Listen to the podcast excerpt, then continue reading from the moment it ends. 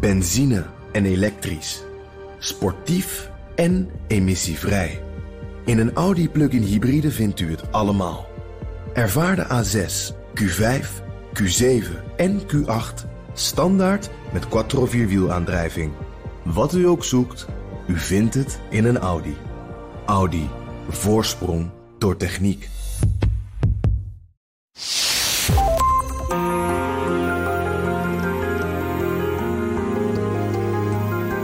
Je luistert naar De Stratege, een podcast van BNR in samenwerking met het Den Haag Centrum voor Strategische Studies. Mijn naam is Paul van Liemt.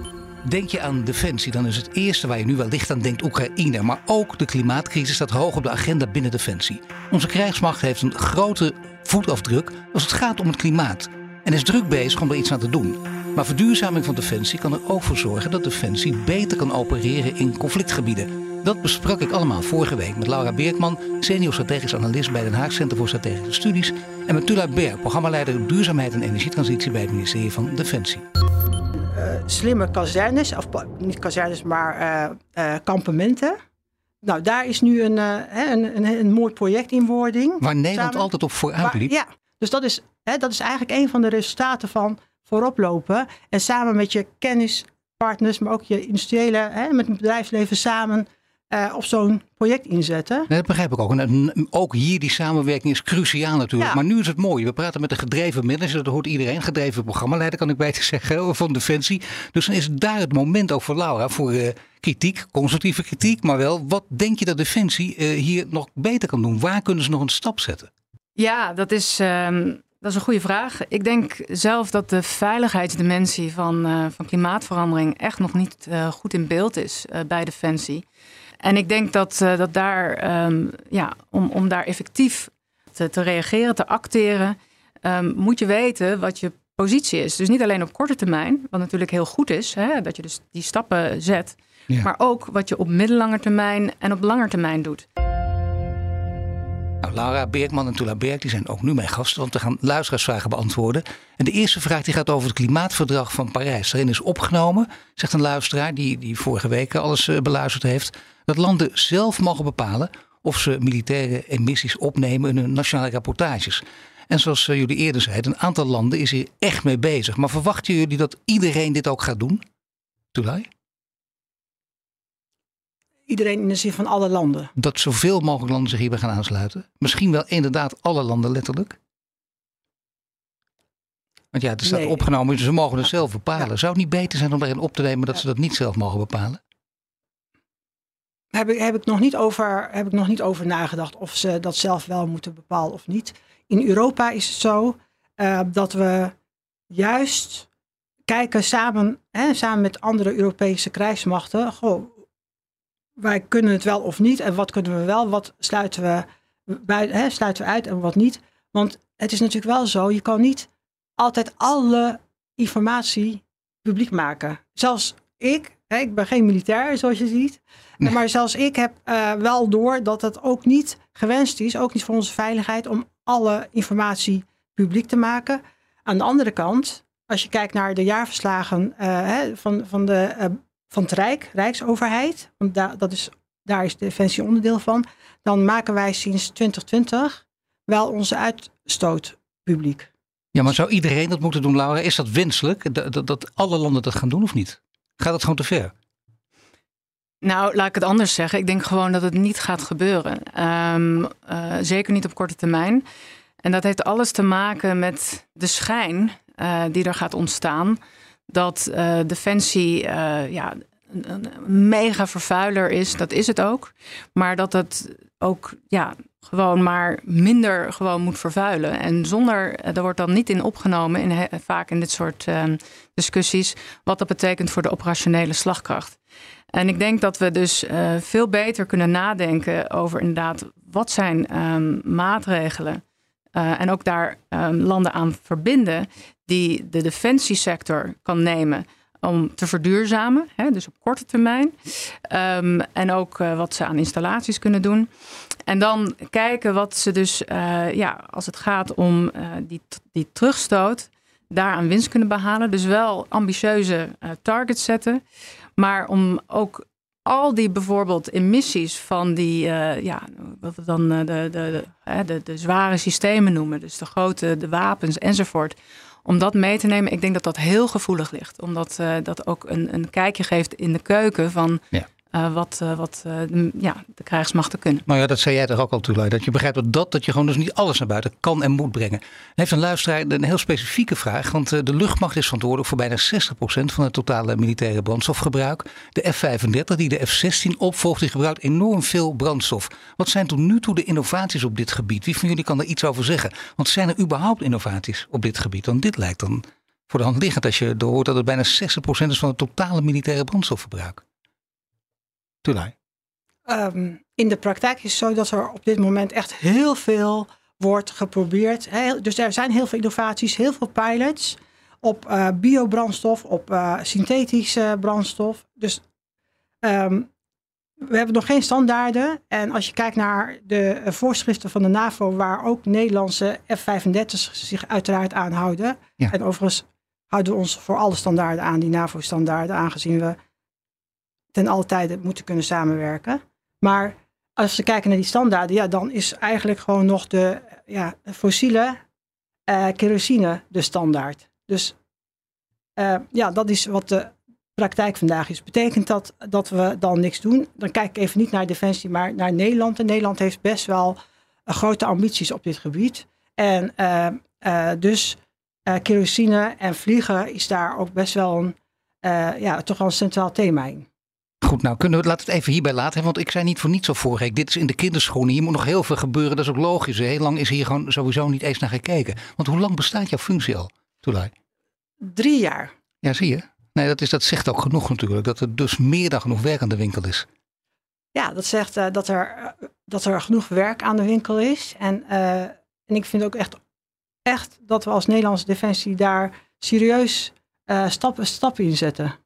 En dan een andere vraag van de luisteraar die luidt: in hoeverre gaan we de nieuwe investeringen die vanwege Oekraïne worden gedaan van Europese landen verduurzaming terugzien? Dus in die nieuwe investeringen door Oekraïne, hoe gaan we daar verduurzaming in terugzien, Laura? Of speelt dat nu nog geen rol? Ja, nou ja, als je, als je het hebt over investeringen en ook over inderdaad nou ja, die verhoging van de budgetten. Ik denk dat um, um, eerlijk gezegd dat je toch gaat zien dat er ook wel heel veel op de traditionele hè, um, um, materialen worden, wordt geïnvesteerd. Ook omdat de, behoefte is om ook snel en die paraatheid gewoon uh, op peil te houden. Maar um, ik zie wel heel veel kansen uh, dat verduurzaming kan bieden om dus kostenbesparingen uh, verder te leveren. En die kostenbesparingen die bieden weer de mogelijkheid om nieuwe innovaties uh, ja, te, te, te, investeren. Dus ik denk dat daar ook zeker um, aan gewerkt wordt. Om te kijken van ja, hoe kunnen we hè, vanuit onze installaties en van onze kampementen um, slimmer omgaan met energie. Mag ik een voorbeeldje noemen? Want bijvoorbeeld gewoon uit de begroting ook 14,9 miljard euro naar, naar Defensie. Onder andere beschermend pak. Daar werd ook over gesproken. En dat werd, vroeger gingen we daar gewoon, dat dacht niet eens mee na. En, en op heel veel gebieden wel, maar niet in verband met Defensie. Terwijl je nu denkt, ja natuurlijk, daar kan heel veel winstbalen zijn. Terwijl zijn dit dingen die echt op tafel liggen of op tafel komen te liggen? Nou, nu sta je net een onderwerp aan uniformen. Hè? Dus we pakken bij Defensie, die zijn... Uh, de, uh, de collega die daarmee aan de slag ging, dat was nog zelfs voor mijn tijd. Die is, nee, maar serieus, die is, nee, heel, die, die, is heel innovatief aan de slag gegaan met uniformen. Dus, uh, en, met, en daardoor ook juist samen met de Nederlandse textielsector gewerkt om te zorgen dat het steeds duurzamer wordt. Dat is een van de, denk ik, de mooie voorbeelden die Defensie juist heeft. Niet alleen hè, als Defensie, maar ook zelfs binnen de Rijksoverheid. Nou kun je kijken naar, uh, naar de andere landen. Dat hebben we vorige week ook nadrukkelijk gedaan. We willen uh, vergelijkingen maken. Welke landen lopen op defensiegebied en op het gebied van duurzaamheid en defensie echt voor? En wat kun je dan van die landen leren, Laura? Ja, nou ja, vorige week inderdaad over gehad. Um, kijk, um, we moeten ook realistisch zijn. Hè? Wat, wat zijn de beschikbare budgetten? Um, maar ik denk wel dat we veel inspiratie kunnen opdoen. Ook vooral uh, van, van de Verenigde Staten, maar ook uh, van het Verenigd Koninkrijk. Uh, die hebben ook, als het gaat om logistiek, um, ja, een, een strategisch plan ontwikkeld. Of een visie van hoe ze um, verder kunnen verduurzamen.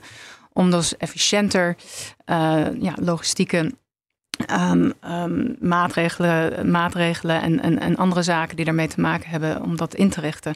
En dat is denk ik, nou ja, we hebben het meerdere malen gezegd, de low-hanging fruit, hè, de, de, de quick win om, uh, om die verduurzamingsslag te maken. Um, dat neemt niet weg dat wij ook heel veel kunnen leren van andere landen als het gaat om meer die integrale benadering. Dus echt verder kijken dan alleen duurzaamheid en ook inderdaad naar hoe je dus um, ook op het gebied van adaptatie en, uh, en um, resilience van, van klimaatverandering, niet alleen in Nederland, maar ook uh, verder in de wereld, um, ja, hoe je daarmee omgaat. Want uiteindelijk gaat het ook om hoe je operationeel, dus ook beter ja, je werk kunt doen onder extreme weersomstandigheden, onder een veranderend klimaat, onder omstandigheden waarin de veiligheidsdimensie dus uh, in toenemende mate relevant wordt. Ja, zeker ook als je kijkt uh, toch hier weer naar de heel dichtbij de oorlog in Oekraïne natuurlijk. En uh, het wordt heel koud. En stel dat het een enorme koude winter gaat worden. Dan speelt dat onmiddellijk weer een rol. Dan moet je dan aan denken. Stel dat je dan uh, een, een, andere visie had gehad. Waarin andere pakken, ik noem maar wat, waren ontwikkeld. andere spullen waren ontwikkeld die niet bestand waren tegen die kou. Ja, dat is heel lastig. Omdat je denkt dat de duurzaamheidscomponenten heel zwaar had moeten wegen. Hoe kun je dat tegen elkaar afwegen? Of kun je dat altijd, heb je daar juist continu die integrale aanpak voor nodig, Tulay?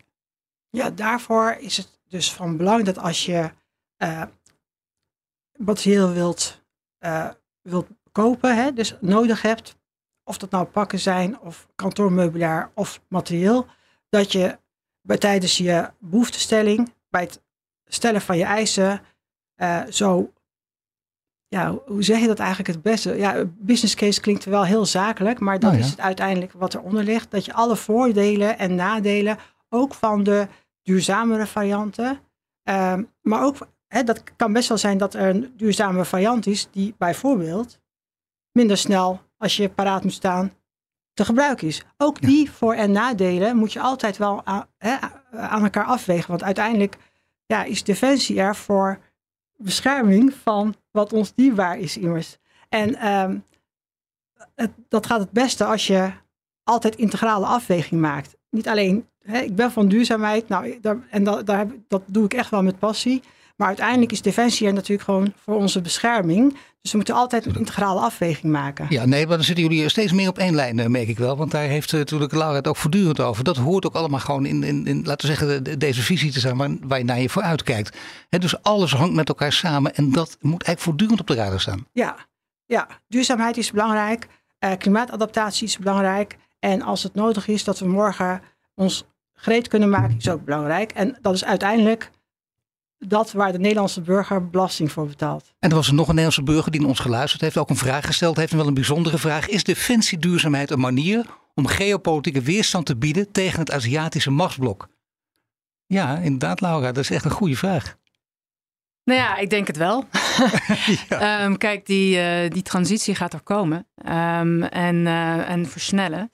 Uh, kijk, op korte termijn hebben we natuurlijk te maken met gewoon de reële uitdaging dat we, ja, dat zegt een transitie ook, dat we dus nog in beweging zijn en dat we nog afhankelijk zijn van, van fossiel tot op zekere hoogte. Maar als je kijkt naar de langere termijn voordelen van, um, van verduurzaming, uh, dan, uh, dan zijn die niet gering. Deloitte bijvoorbeeld heeft een, um, in mei dit jaar een studie uitgebracht waarin het um, berekend heeft dat de financiële voordelen, nou laat ik het anders zeggen, dat de kosten van ons niet aanpassen, ons niet bezighouden met verduurzaming, um, dat dat uh, oploopt tot 178 biljoen dollar.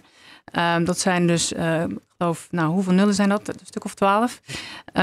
Um, als we dus een soort no-change scenario hebben in 2070. Dus dat is over 50 jaar. Nou, natuurlijk, dat is iets wat je voortdurend kunt gebruiken, denk ik ook. Dit rapport en dit cijfer. Hoe belangrijk het dus is. Ja, en het is, voor, voor mij is het ook echt wel vanzelfsprekend dat we kijken naar de operationele voordelen die verduurzaming met zich meebrengt voor de krijgsmacht. Hè? Um, een voorbeeld wat ik heel graag uh, zou willen noemen is dat we samen, overigens ook met een kennisinstelling, zijn we aan het kijken naar um, drones op, hè, met waterstof. En het voordeel daarvan is dat dus op waterstof schone drone ehm, vier keer langer in de lucht blijft dan de traditionele. Even traditioneel. Nee, maar zeker. Maar- enorme winst. Dat is echt heel veel winst. Omdat je dan dus een veel groter gebied kunt overzien met, eh, ja, met een waterstofdrone. En dan is die uitstoot hè, minimaal van alle twee misschien. Maar de operationele voordelen zijn, nou ja, dat, hè, die zijn natuurlijk vanzelfsprekend heel belangrijk. Mag ik jullie allebei danken. Toelai Berg, programmaleider Duurzaamheid en Energietransitie bij het ministerie van Defensie. En Lara Bergman, senior strategisch analist bij het Den Haag Centrum voor Strategische Studies. Volgende week zijn we er weer met een reguliere aflevering van De Strateeg. Wil je intussen meer afleveringen van De Strateeg terugluisteren? Je vindt hem op Apple Podcasts en Spotify, maar ook in de BNR-app of op bnr.nl. Abonneer je meteen en tot de volgende keer.